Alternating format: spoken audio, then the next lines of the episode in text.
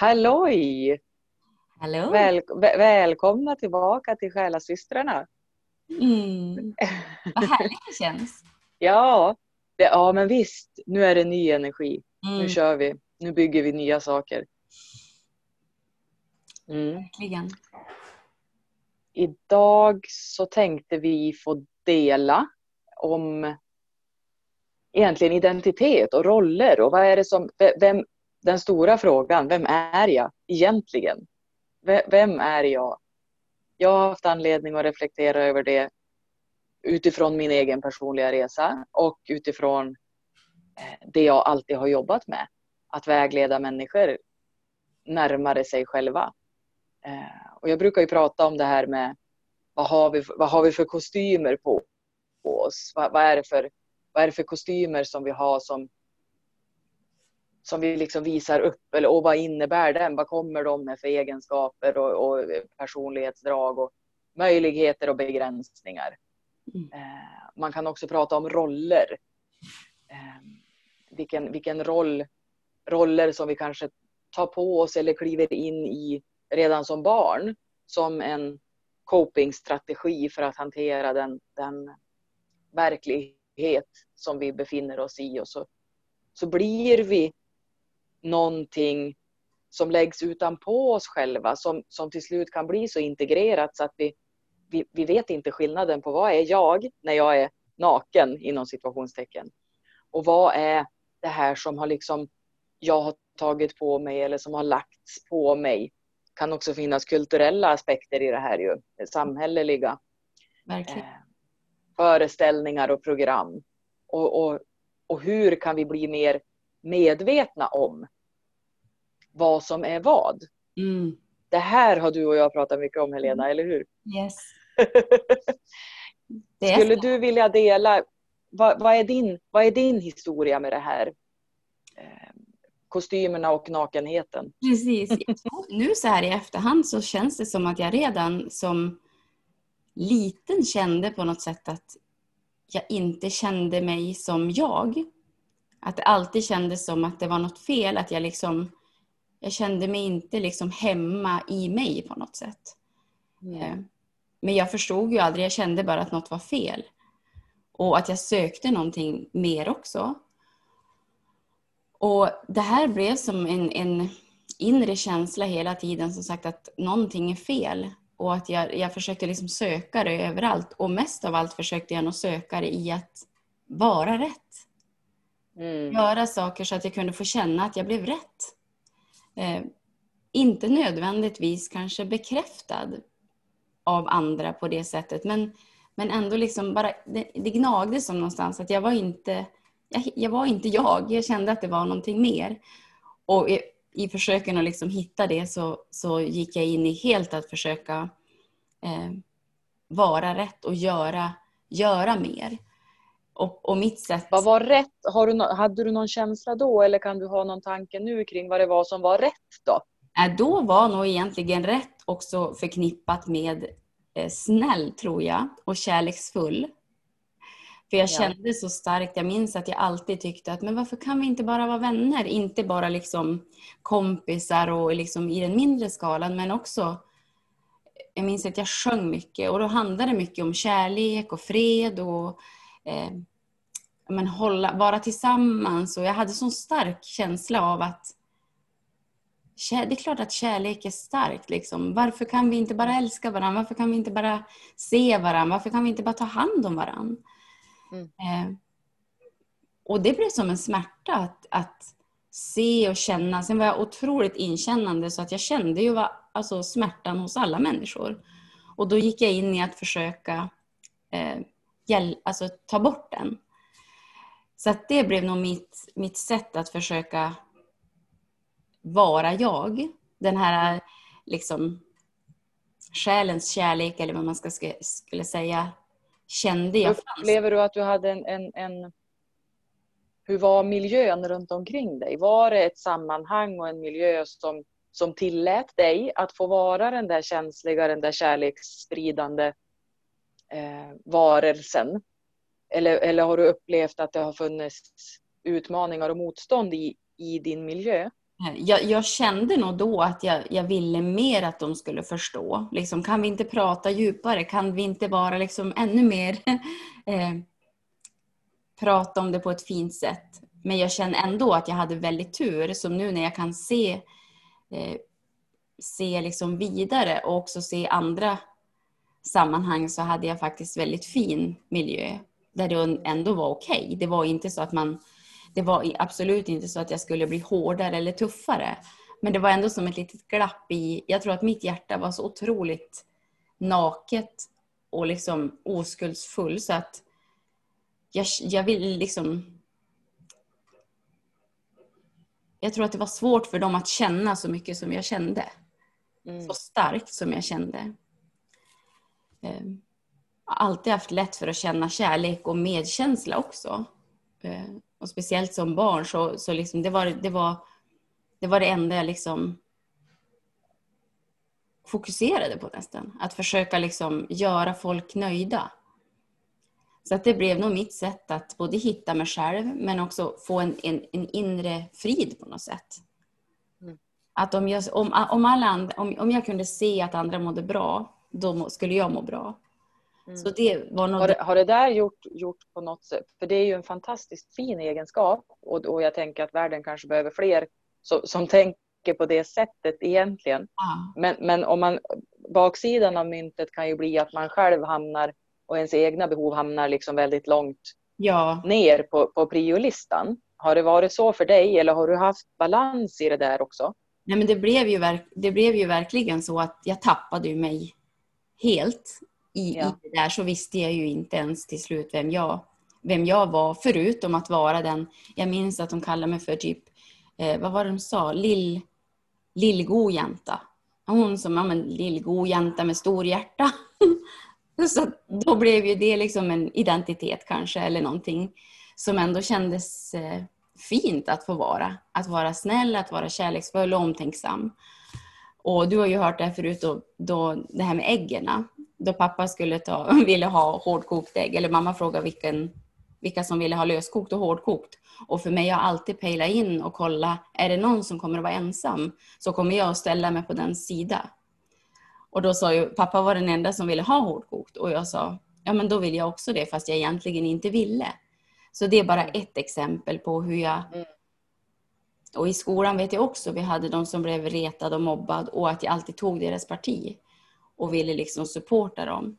Och i det så tappade jag, för det var ju ändå inte, även om som du säger att det är en fin egenskap, så blev det på något sätt som att eh, jag visste inte i grunden vem jag var.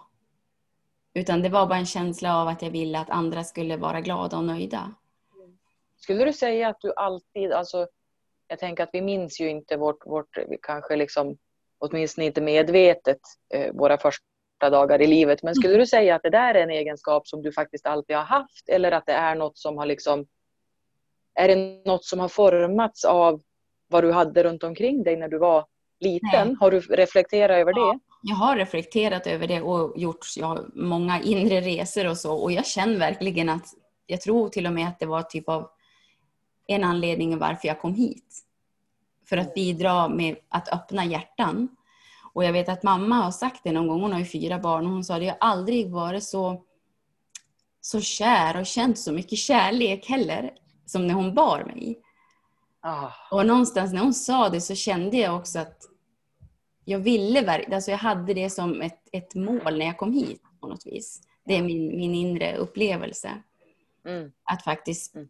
öppna upp för mer kärlek, att skapa det i olika sammanhang. Mm. Ehm, mm. Så jag tänker att jag, jag, visst, jag hade, har nog alltid haft det med mig. Ehm. Men sen så blev det också, liksom när åren gick och, och det tog som över att vilja göra andra nöjda och vara liksom eh, ja, som jag säger, det är inte riktigt, riktigt bekräftelse heller utan att se andra må gott. Det blev liksom drivet på något sätt. Mm. Mm. Och sen när jag började jobba så blev det naturligt att jobba med barn. Så då kändes det bara, ja men för där, de tar ju verkligen emot. Barn är ju så otroligt öppen. Så där var det liksom bara, där fick jag bara vräka ur mig och ge så mycket kärlek och de bara tog emot. Och det var inte heller ett intellekt, alltså det var inte intellektuellt utan verkligen bara ett energi, en energi. Så det var inte att jag behövde förklara eller vi behövde prata om det utan det var någonting som jag bara gav bara av att få, få hålla dem i min famn typ. Eh, eh, och sen så minns jag när, eh, när jag blev mamma första gången så blev det också en sån där, det, det, det öppnade hjärtat ännu mer. Och jag började liksom känna att men det gav mig också en annan nivå till vem är jag egentligen? Mm. Det finns ännu mer, okej okay, det finns ännu mer kärlek och ännu mer att ge. Det finns ännu mer i mitt hjärta än det jag trodde var möjligt. Eh, så då fördjupades den här res, inre resan. Jag blev bara mer och mer nyfiken för i det började jag också med, alltså när jag väntade Albin så började jag med yogan. Och då var det också som att jag började inse att okej, okay, när jag började sträcka på min kropp och öppna den så kände jag att gamla spänningsmönster som också hörde ihop med gamla personlighetsdrag började att luckras upp. Och det var ganska häftigt att känna att genom att använda kroppen, att genom att öppna den, så fick jag tillgång till andra delar av mig.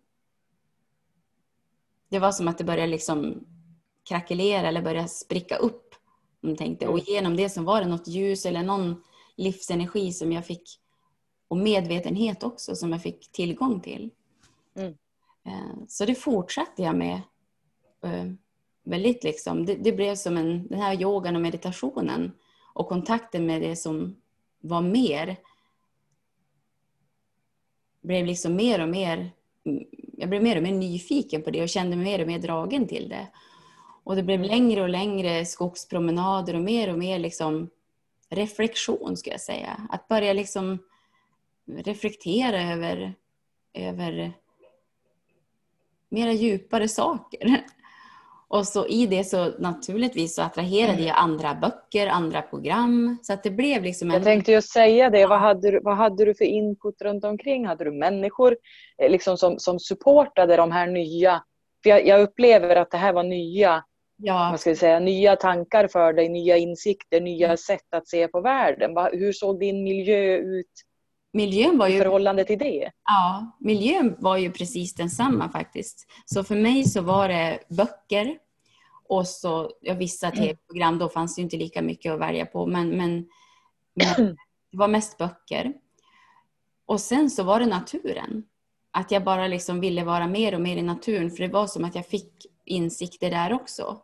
Och den här mm. känslan av samhörighet och tillhörighet eh, blev också eh, var också till hjälp för att liksom hitta vem är jag bortom det här.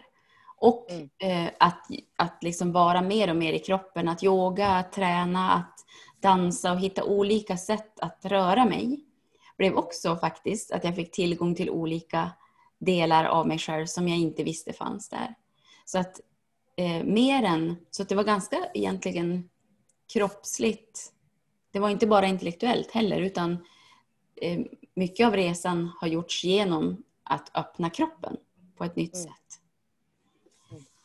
Mm. Men sen då, då blev det liksom, jag kände hur jag, som du säger, när det inte fanns det där supportet i den yttre världen eller i, i omgivningen, som, jag kunde liksom inte prata om det här med, med människorna som jag omgav mig med. De förstod inte.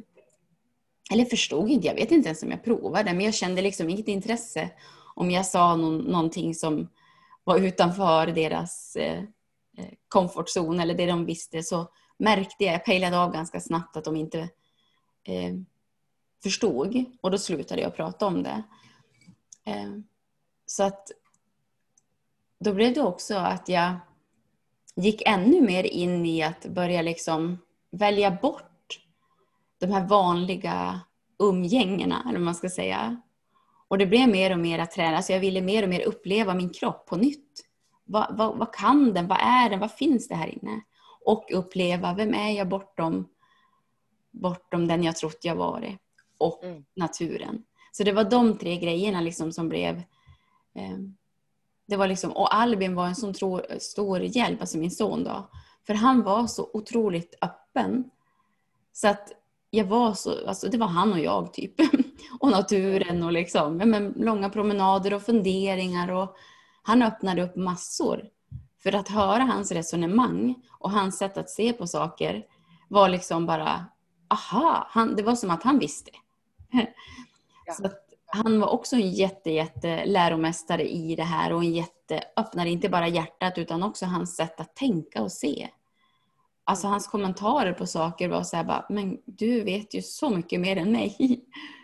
Mm. Eh. Men sen var det som att den här ja, men, träningen och ändå den här äh, inre känslan av att jag inte dög riktigt. Som jag ändå hade med mig, att det var någonting som att jag inte riktigt passade in och att jag inte dög. Gjorde att jag började liksom fokusera på, jag skulle prestera så hårt överallt. Vare sig det var på jobbet eller inom träningen eller i alla områden kände jag att jag bara skruvade åt. Det var som att dra åt livremmen. Liksom bara, men, du måste ju göra mer. Du måste ju liksom prestera mer. Du måste vara hårdare och hårdare med dig själv. Var kom det ifrån där? För jag tänker att när det du beskrev från början handlade ju om förvisso en typ av prestation i att, att göra någonting, alltså att, att göra andra väl och gott.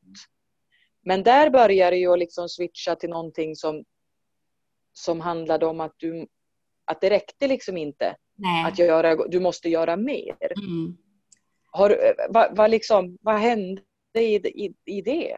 Precis. Jag tror att det är två... Var kom det ifrån? Ja, jag tror det är två anledningar. Både att jag alltid har känt den här känslan av att om någon är ledsen eller, eller arg så då har det med mig att göra. Det har jag alltid haft med mig sedan jag var liten också. Att det är mitt fel.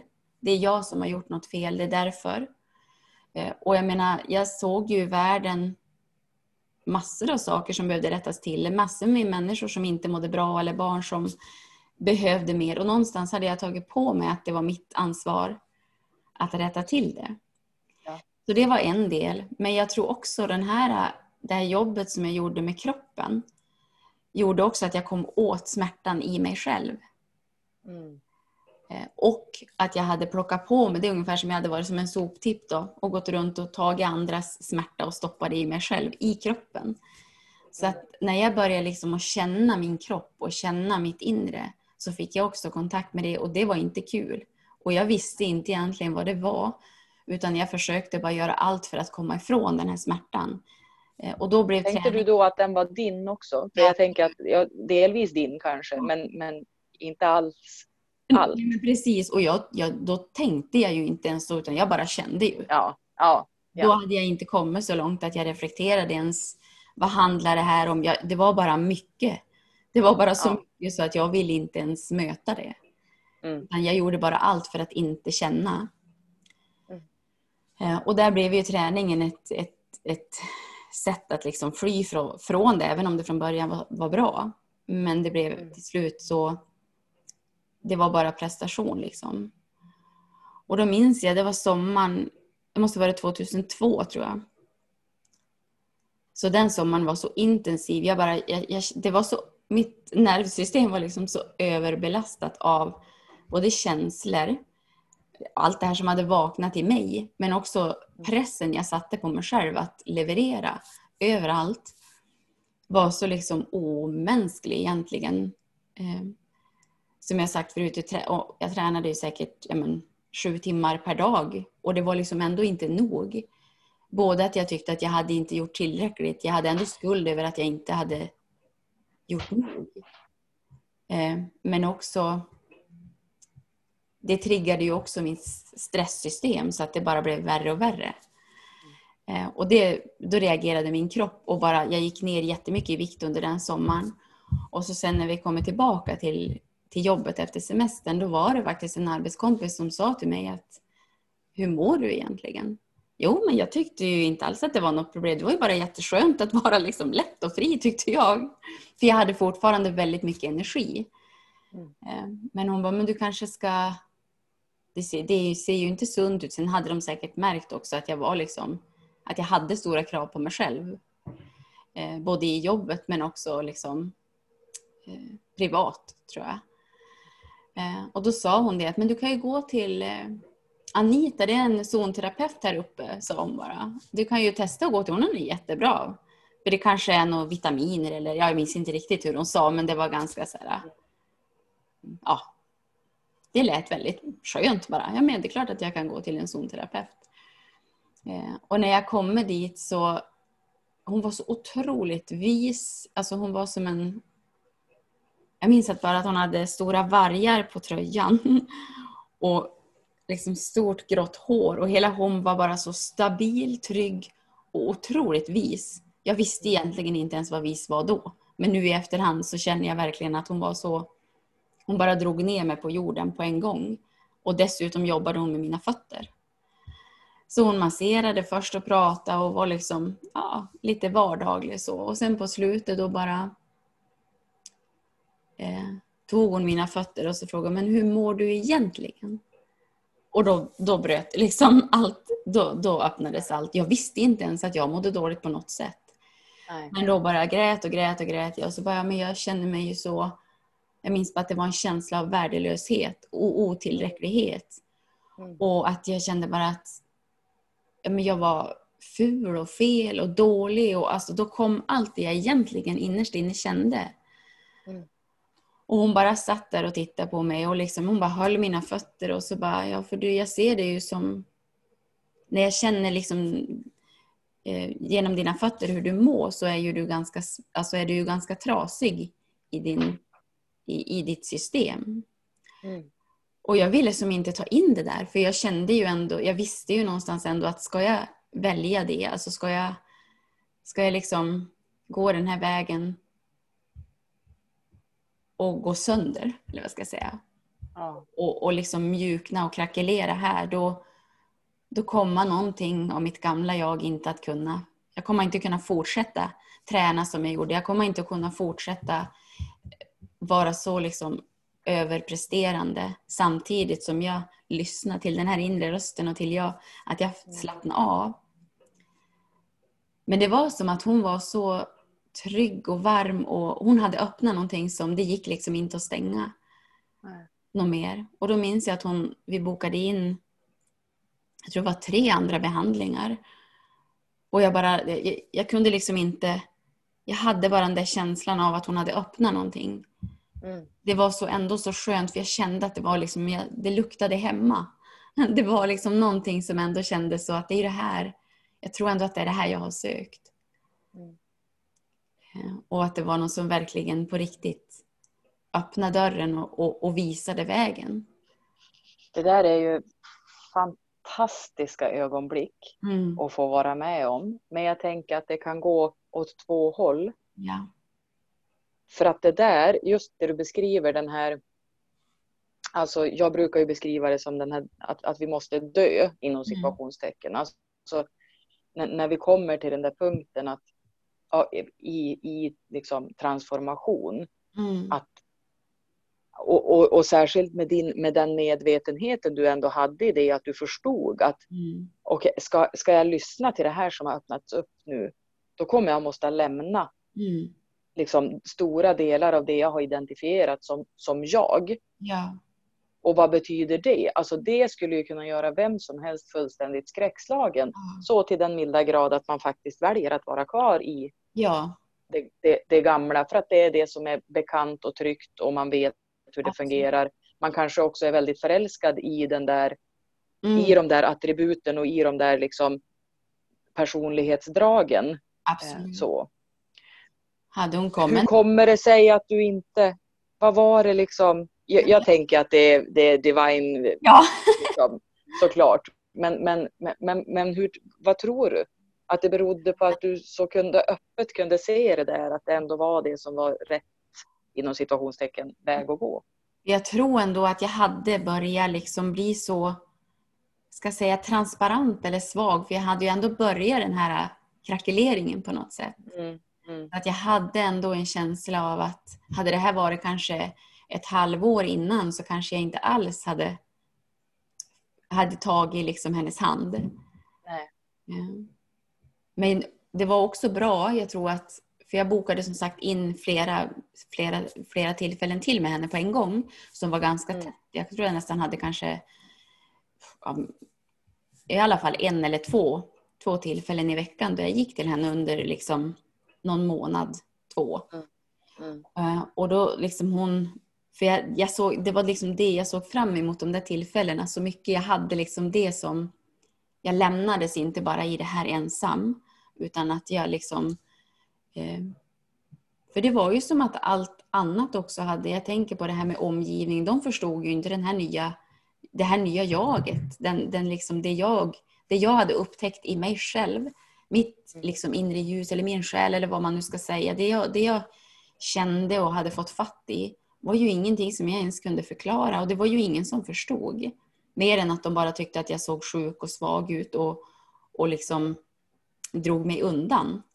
Mm. Men i det så höll jag ju på att utforska vem jag var. Så att det vart ju liksom, det, det kändes skönt att ha någon som, som var där med mig. För hade jag måste mm. göra det här själv så tror jag inte att jag hade, det är jag ganska garanter, alltså övertygad om att det hade jag inte kunnat gjort. Utan att jag hade hon som, som liksom stärkte det här i mig. För jag minns att vi gjorde sådana här, ja men som inre resor, att bara få möta mitt inre barn och, och liksom omfamna henne och möta gamla minnen som allting, det var som att lägga ett pussel så jag förstod. Okej, okay, det är det här, det är det här, är det, här, det här som har skapat min, mitt gamla jag. Mm. Det här barnet som alltid har försökt att göra så här, att möta hennes känslor och hennes upplevelse av saker, hennes sorg och tårar och uppgivenhet och eh, min kropps eh, skrik över att men lyssna till mig, sluta mm. piska mig, sluta piska mm. mig, snälla. Eh, att hon hjälpte mig liksom att verkligen få uppleva det, för intellektuellt bara så hade det nog inte hjälpt utan jag fick verkligen möta alla de här delarna. Och så minns jag att hon sa att men du kan gå till, alltså till vårdcentralen tror jag och ta några prover för att så kan du hjälpa din kropp. Hon visste säkert vad hon sa för när jag kommer dit och han tog massa prover så sa han bara att ja du är ju totalt, jag vet inte om han använde utbränd men liksom eh, ja, han sa han både utbränd och sen eh, jag minns inte, det var någon, något annat ord han använde. Mm. Så jag började med att sjukskriva det i tre månader. Och jag bara, tre, alltså du vet, tre månader och så skriver jag en remiss till, till eh, samtal på psyket. Och jag blev ju först livrädd då också och tänkte bara, nej men alltså jag, jag vill inte jag ville liksom inte erkänna för mig själv att jag behövde det först. Mm. Mm. Men det var också som att det fanns inget, fanns inget val. Och det lustiga, det här är en ganska egentligen viktig del i det, för i de här eh, resorna som vi gjorde hos den här zonterapeuten så var en resa eh, så var jag som att vandra i skogen på något sätt och allting hade ju, det var ju symbolik så att det liksom symboliserade olika saker. Men jag stod vid ett stort vattenfall och så var det som en örn som cirkulerade där.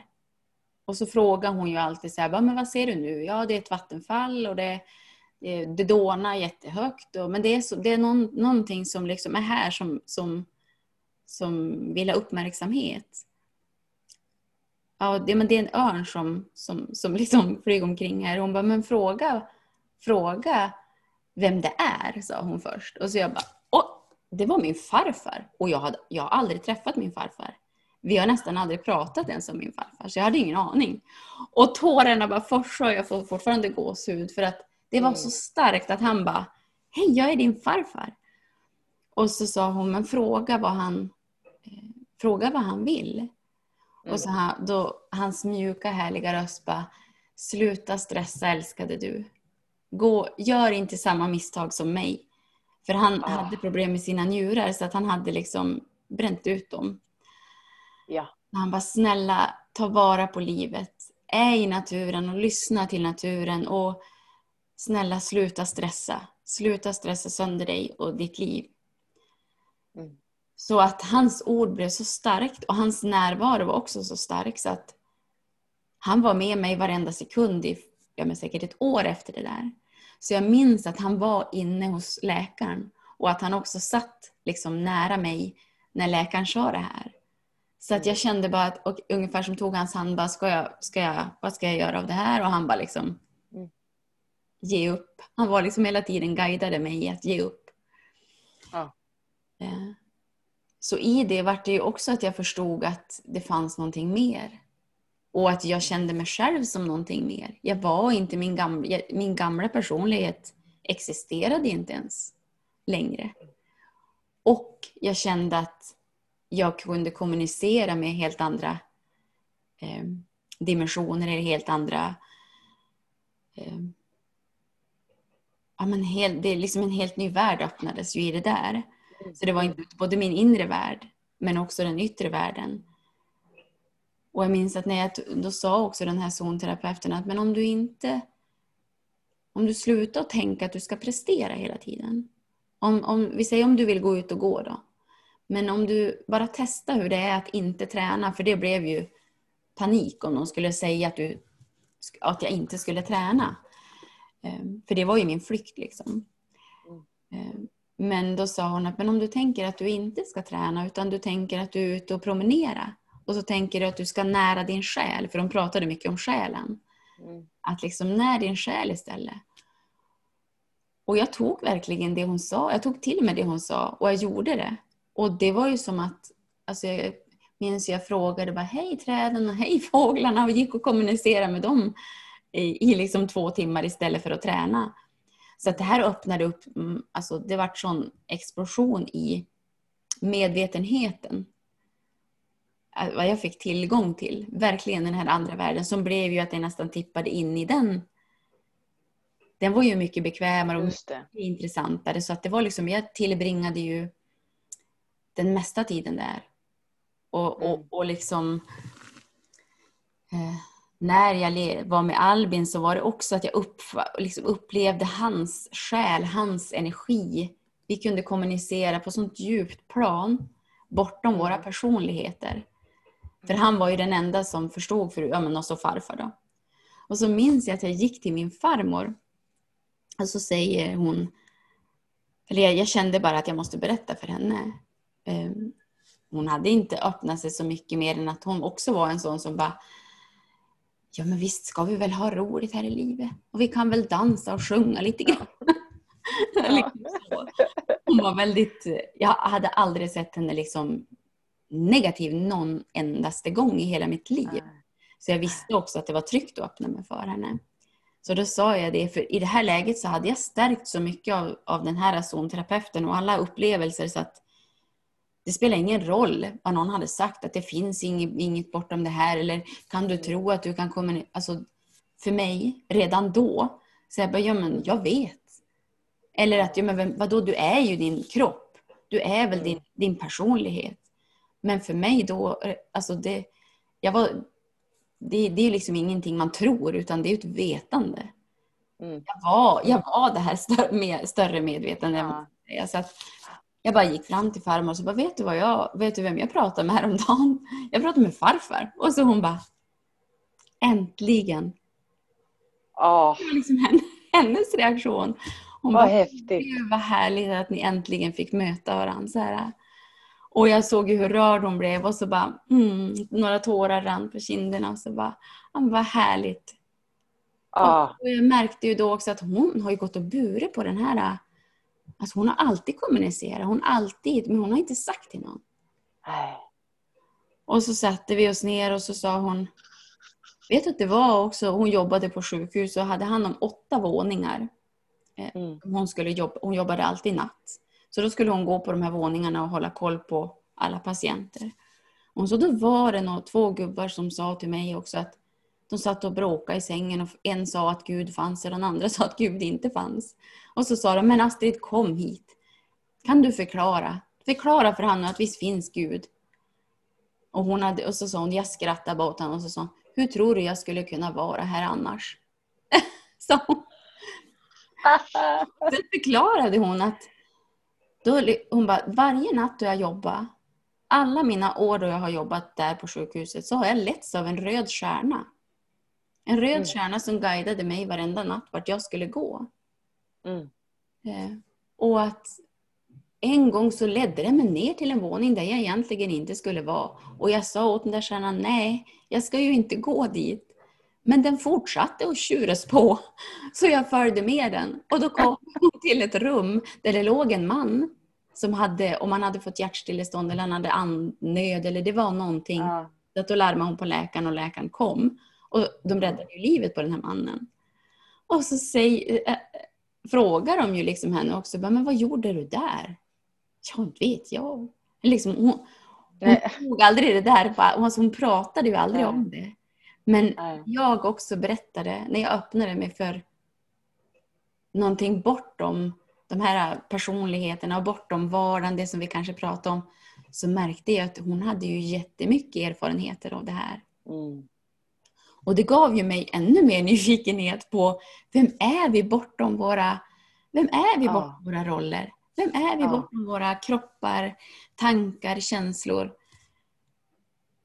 Och sen, sen rullade det bara på böcker som, som liksom kom in i mitt liv på något sätt som där jag bara började liksom förstå att men gud, jag är ju inte ens min kropp. Den kropp jag har trott att jag är, jag är inte den. Jag är inte mina tankar. Och såg och diska och så bara, men tror jag att jag har känt mig eländig om det är de här tankarna?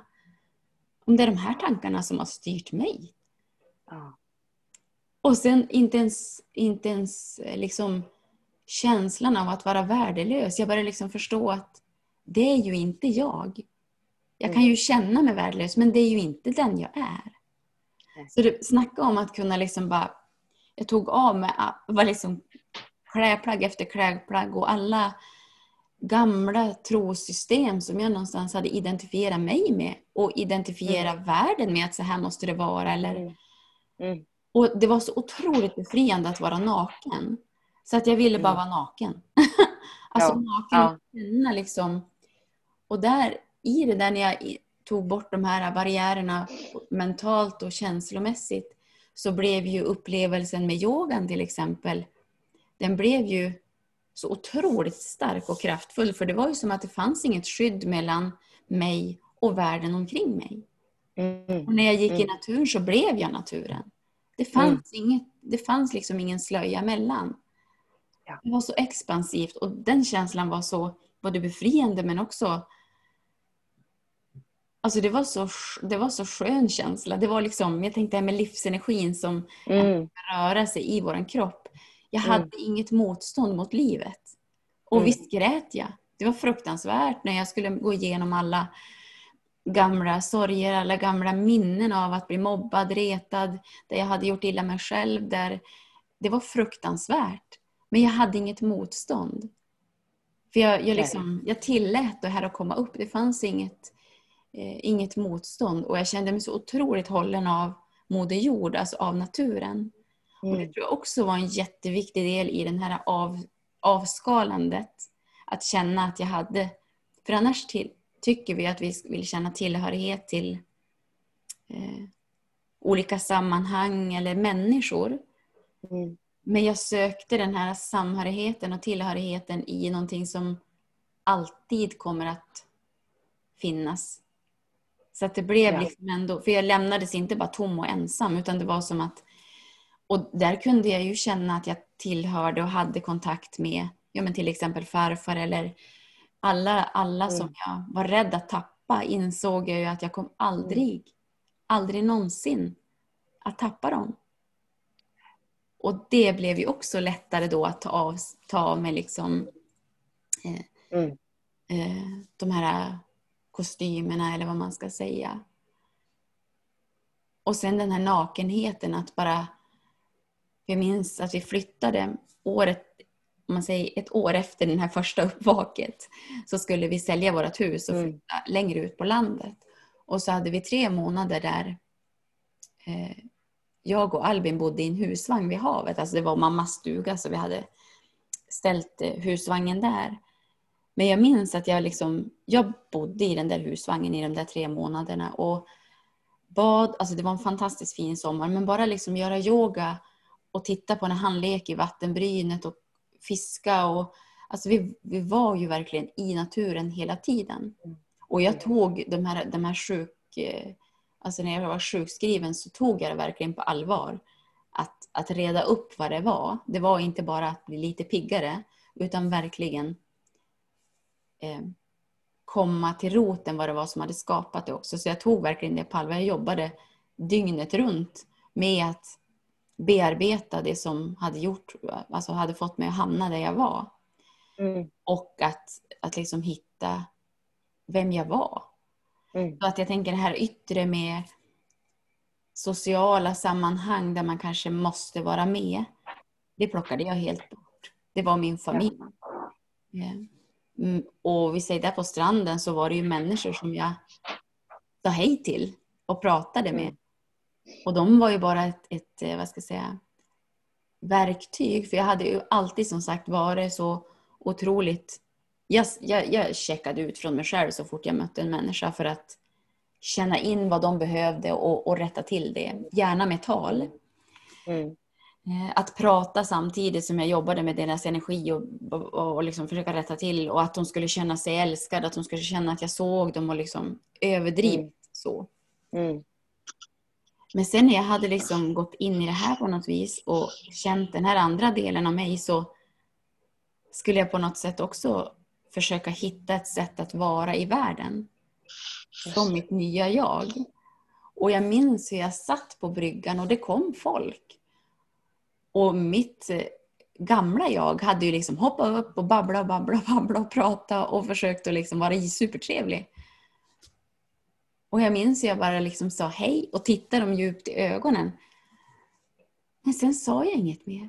Och jag kände hur mycket energi jag hade kvar i mig. För jag hade ju bara Mm. gett bort mig i alla sammanhang. Ja. Hur skönt det var att det är inte mitt ansvar. Men jag fick ju jobba med det. Jag fick Mm. liksom verkligen öva mig i att är tyst. En minut Mm. till är tyst. En minut till. Mm. är tyst en minut till, för de kan också prata. Det var inte så att jag var oartig. Men jag behövde inte leda alla samtal. Jag behövde inte leda eh, allt som skulle bli gjort. Och jag behövde inte heller, jag minns sådana här små saker som om vi skulle på ett kalas. Så kände jag alltid att jag ville ju ge den bästa presenten. Eller jag ville ju ge mest. Och att kunna bara backa där och bara, fast jag ger det här. Mm. Och jag har inget behov. Om ingen... Jag ger det med all kärlek jag har i mitt hjärta. Jag behöver inte överbevisa att jag älskar dig. Jag behöver inte överbevisa att du är värd. Jag sänder ut det. För jag tycker det. Mm.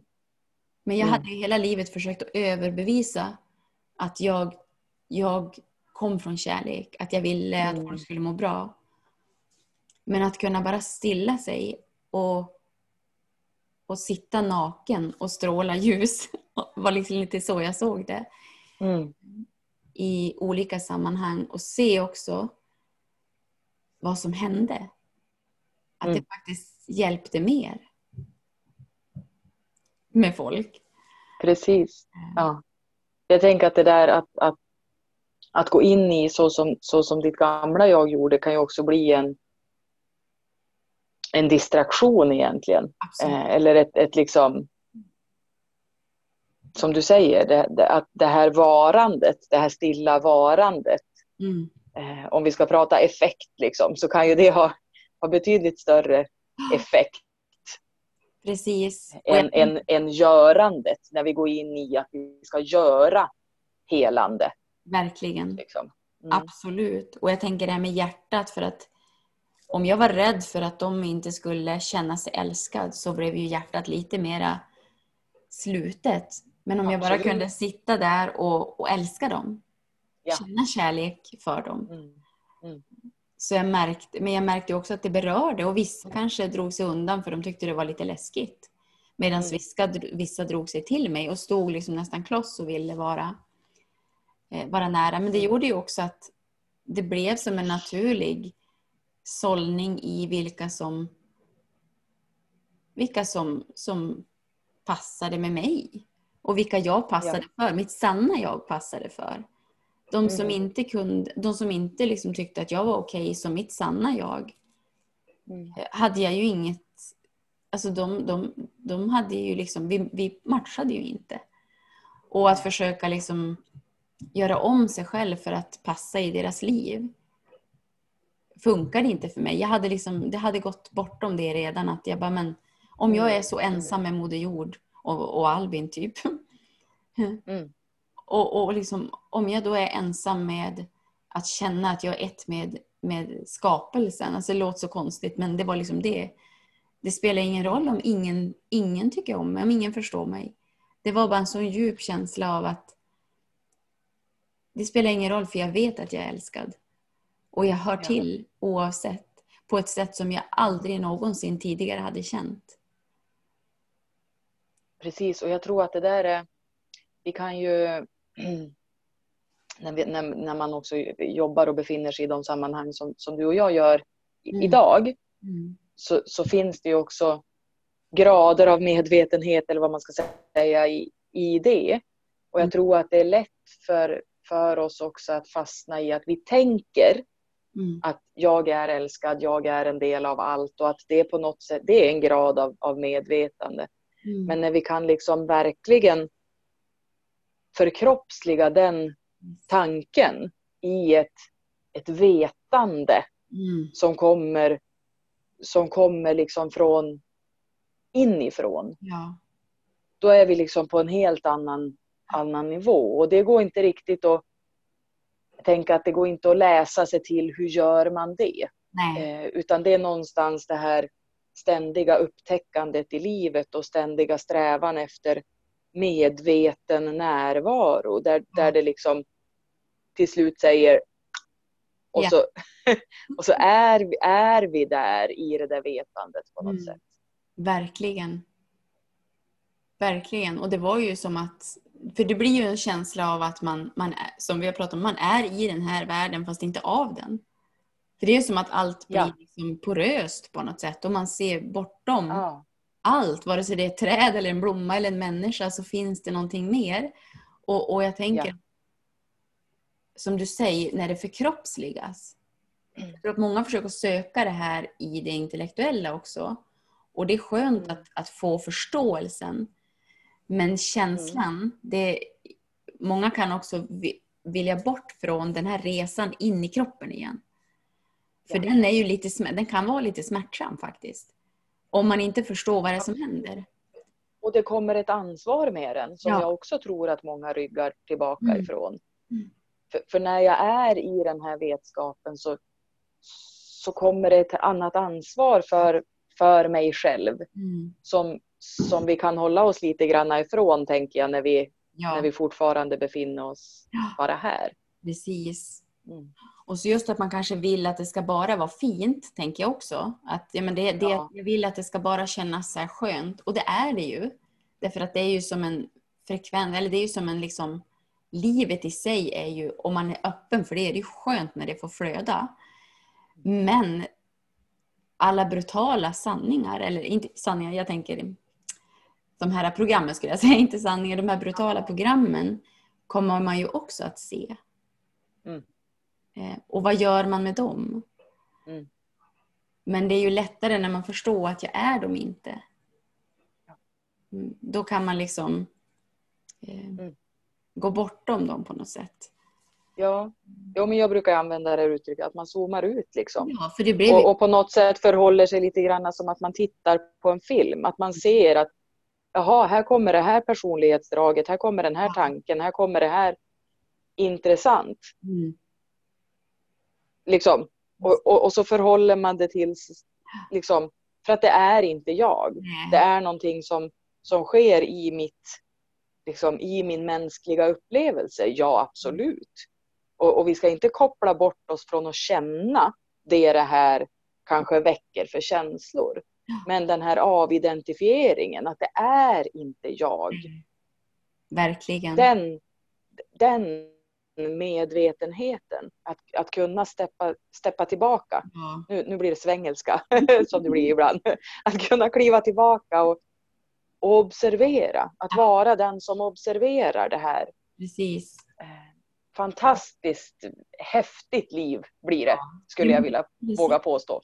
Och jag, jag, tänker både på, det är så många, det är både de här dåliga sakerna som vi kanske identifierar oss med, eller dåliga, men jag tänker de negativa tankarna om oss själva. Men också att vi ska liksom prestera, eller det som vi kanske får beröm för. Och, och när man börjar inse att jag är inget av något. Alltså du vet, jag, jag, själen är immun mot både beröm och kritik. Själen är immun mot med liksom den, den tävlan och, och, och liksom ha rätt. Det, det är liksom, Mm. Själen är o, ointresserad.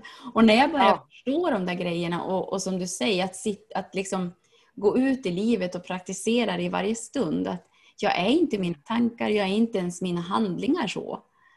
Eh, utan jag, välj, jag började liksom från ett nollställt läge på något sätt välja när och vad jag ville göra. Mm. Eh, och jag tänker när det pratas om också att, att hela varann, för i den här processen så gick jag massa healingutbildningar och så. Och där blir det också det att om vi ska identifiera oss med någonting, att det vi gör istället för att bara vara en kanal eller vara något öppet där den här helande kraften kan flöda så blir det också otroligt skillnad i hur kraftfullt det kan bli mot för om vi lägger oss i. Eh, Så att jag tänker att, att reflektera över vad man har för person, vad det är för personlighetsdrag och, och, och roller och, och eh, mönster som man identifierar sig med Mm. som man egentligen inte har valt. Om man tänkte att man är bara nollställd som en liksom ren potential, vad, vad skulle man välja då? Man kan se det som att om man, om man, man kan ju använda den liknelsen att vi, att vi, om vi, om vi är nakna när vi är i det här, den här, det här sanna jaget eh, och kunna se på den här garderoben av eh, kostymer och se liksom vad, hur, hur, hur skulle jag göra, vilka, vilken kostym skulle jag Mm. ikläda mig eh, om, om jag visste att jag hade ett val. Mm, precis.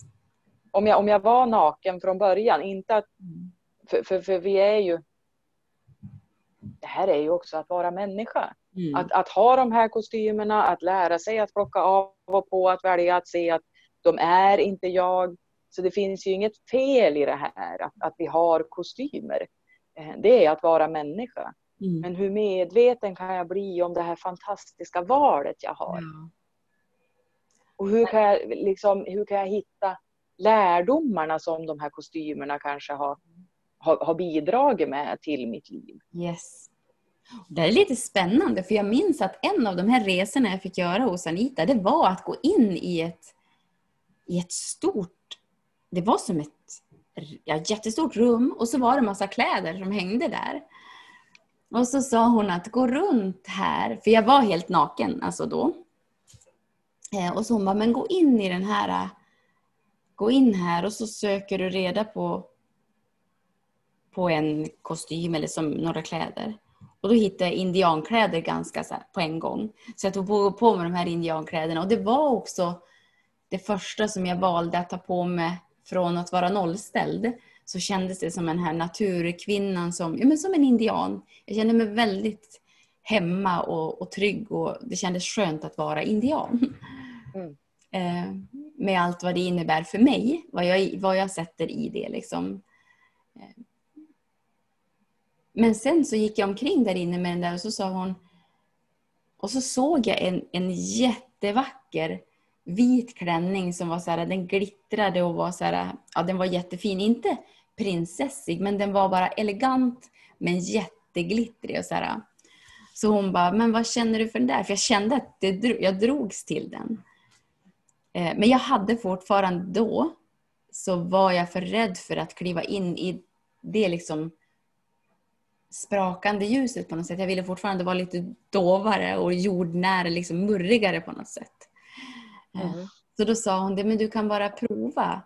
Och jag minns bara känslan av att byta från den här alltså, sittande på jorden, indianen, till att ta på mig den där. Och jag minns sen hur det kändes på mina ben. När det här tyget liksom smekte på benen och håret vart helt annorlunda. Och rörelserna blev helt annorlunda. Eh, Men sen bytte jag tillbaka. För det här var ju Men jag tänker att jag någonstans också visste kanske då att jag ville kliva in i det. Att jag hade en längtan Mm. efter att kliva in i det där mer.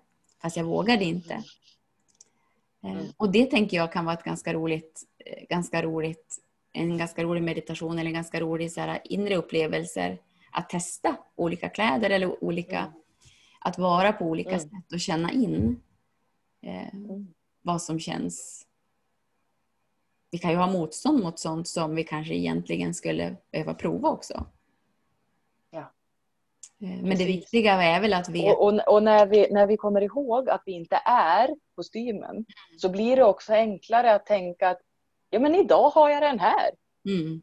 Liksom, Mm. ehm, det, det, för att det är inte jag. Nej, Men jag kan ta på mig den här. Och, och, och spela. Liksom. precis. Inte det att vi inte ska vara oss själva i de här kostymerna men på något sätt att det blir, det blir inte så allvarligt. Nej, Ja men ja, jag kan ha den här idag. precis. Aha, hur, hur, hur, hur uppfattas jag av världen och vad, vad, vad bidrar jag med till världen om jag har den här på mig? Mm. Och, och liksom att leka mer i det Ja. där, att vara liksom fri i det där valet och, och se att bara, aha, varför har jag sånt motstånd till den där till exempel? Ja. Om det liksom det här att "Den- fast den där skulle jag aldrig ta på mig eller det där skulle jag, varför då? Mm. Precis. Vad är det som du förknippar med, med den som, som gör att det liksom kan, kan du hitta, Precis. hitta lekfullheten i det? Precis.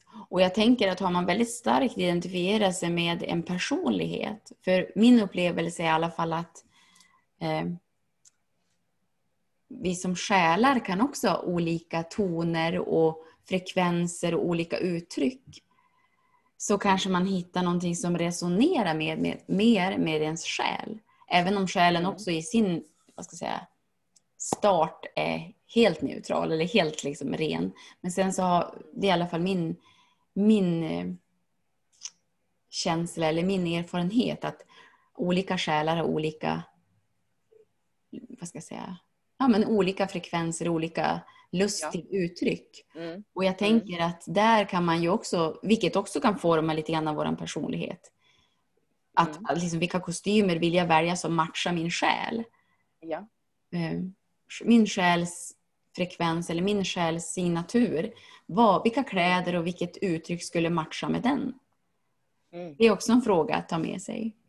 Stämmer min, om man börjar liksom, man kan ju börja bara fråga det och börja utforska sin, sin större vad ska jag säga, del av sig själv.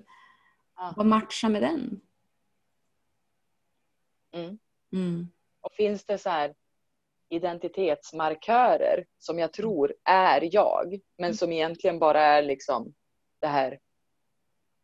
Ska vi kalla det för skådespel eller kostymer eller, eller så? Mm.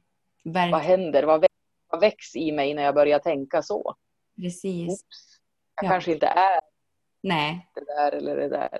precis. Jag kanske inte behöver det där eller det där för att, för att vara jag. Liksom. Nej, precis. Det är jättespännande faktiskt.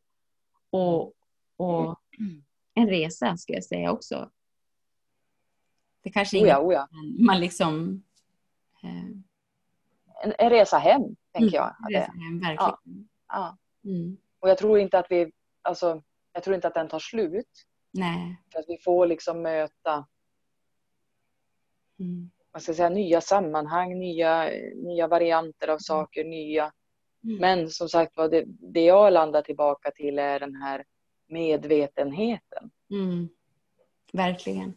Och jag kan känna att alltså från att ha varit sådär alltså verkligen i direkt kontakt med livet och med alltså vara själen, alltså vara så naken, alltså den känslan bara Alltså jag kan inte beskriva det på något bättre sätt än naken. Alltså du vet det är nästan som att Ja. du kliver i vattnet naken är bra mycket skönare än med kläderna på tycker jag. Ja. och, och jag Håller tänker att eh, så fort jag känner att jag börjar liksom eh, fastna i, i att vara på ett särskilt sätt eller att fastna i, ja, men någon har ett koncept säger vi och så ska jag Mm. börja liksom och, och, och, och liksom sätta mig, låsa fast mig i det så känner jag det ganska på en gång att det känns inte bekvämt. Jag kan bara liksom vilja skrika, bara vill bara vara naken.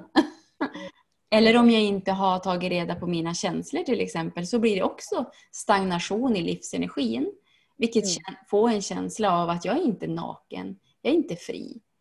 Eh, Precis. men när jag tar reda på det där och liksom kastar av med de här gamla eh, det kan ju vara en upplevelse också som har skapat Mm. stagnation. Mm.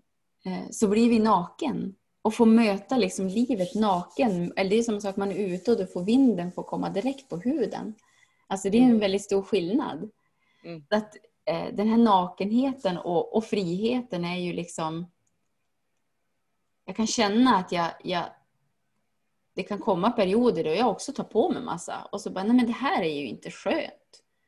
Och så får man klä av sig igen. Mm. Eh, Men jag tänker också att världen, eh, det kan ju kännas utmanande. Mm. Mm. För man är ju också mera sårbar, men man är också mera stark i det på samma gång. Jajamän. Jajamän. Mm. Så är det.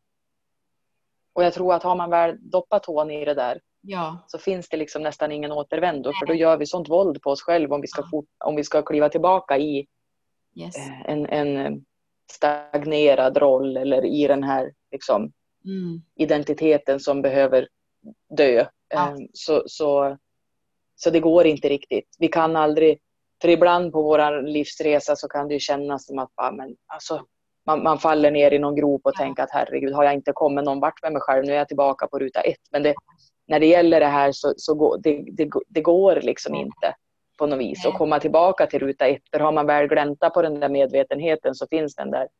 Sen, sen faller vi allihopa. Rätt som det är så, så snubblar vi till. Och, och det, eh, livet erbjuder oss olika liksom, dignitet av utmaningar. Men, men, men det där finns kvar någonstans. Ja. Det går att hitta tillbaka hem ganska, ganska snabbt till slut när vi har lärt oss vägen. Ja, och jag tänker Mm. att vad viktigt det är ändå att vi, att vi förstår att vi är olika. Att vi först är det här ren, rena, helt oskuldsfulla, nakna. Men också att vi sen har olika... Jag menar, du och jag har ju helt olika energier. Och Mm. att man är, är så sann i att jag kan vrida upp min energi, alltså mitt, min rena essens. Den ska jag Mm. skruva upp på max och du ska skruva upp din. Alla andra ska göra så. Så tillsammans Mm. blir det en sån otroligt vacker, som vi pratat om, regnbåge eller en orkester när alla har sin egen ton. Istället för att man försöker Mm. spela på någon annans ton eller vara någon annan. Och att din, det här som, som, som vi också har pratat om i andra sammanhang nyligt, att när du maxar din frekvens Mm. så gör inte det att det finns mindre utrymme för mig att maxa min. Nej. Utan det här blir bara som, en, som den här fantastiska orkestern, eller jag ser mosaik framför mig. Alltså mosaik är ju fantastiskt eh, just för att det är de här olika färgerna och tonerna och, och, och bitarna som, liksom, som tillsammans skapar en helhet. Ja. Finns plats för allt på max. Ja. Vi behöver inte skruva ner vår egen volym för att inte störa någon annans. Nej. Eller liksom, Mm. utan det går alldeles utmärkt att vara maxade allihopa i våran sanna frekvens. Och det blir paboom magiskt. Precis. Och jag tror faktiskt att det är ganska många som mår dåligt bara på, den, alltså på grund av den anledningen att man försöker vara något man inte vill vara. Och man är Ja, inte visst. medveten om det. Mm, Så att jag tänker att eh, det känns som ett ganska viktigt eh, ämne att lyfta. Och att få och se människor bara kasta av sig de här eh, kläderna som inte alls tillhör dem. Och sen att det Let's get naked! Ja, men tänk dig också sen bara stråla med sin Ja. essens. Det är liksom Ja. Det, är det som är, är eh, det, är det, det som kommer liksom innerst innerst ifrån. Det är det som får liksom komma ut. Mm. Istället för att vi ska lägga över saker. Mm. Visst. Mm. Fantastiskt! Gud vad härligt! Ja, man... Och skruva upp det. Känn det var skönt. Ja. Turn Ja. Kasta av sig Ja. kläderna och turn it up. ja. ja. Är det de, de eh, magiska slutorden? Det får faktiskt bli det. Ja. ja. Kasta av er alla, alla... ja. Och, och gå tillbaka lite och om du inte noterade frågeställningarna tänker jag eh, till dig som lyssnar. Att gå tillbaka lite grann och, eh, och ta med dig de här frågeställningarna och se vart hur spelas det här ut i ditt liv? Hur passar de här? Vad är svaren på de här frågorna för dig idag? Mm. Det, det kan vara något annat en annan dag. Mm. För vi, vi landar ju som djupare ner i medvetenhet Mm. eh, successivt, tänker jag. Men vad är svaren för dig idag? Mm. Ta med det och gör, gör något av det du har hört. Och kom bara på en fråga till som är ganska bra. Att, Alltså, vilka roller vill jag släppa, alltså, skulle jag faktiskt vilja släppa taget om? För ibland kan, ibland kan det vara så att vi inte vill. Men ibland, Ja. jag kände nog ganska starkt att men jag, vill inte, jag vill släppa det här. Men, Ja. men jag trodde inte att jag fick. Precis. För det kan ju vara personlighetsdrag som att jag är ganska less på det här personlighetsdraget. Ja. Bara Ja. plikta eller att måste hålla låda eller vad det nu är. Mm. Mm. Mm. Underbart. Tack för den frågan. Den var jättebra. Att det är okej. Det är bättre att vara Det naken. är okej. Jajamän, det är alltid bäst. Ja. Jag tror vi säger tack för idag. Ska vi? Vi säger tack för idag och på återhörande. Mm. Tack alla. Tack Helena. Och tack Maria. Tack. Hej hej. Hej.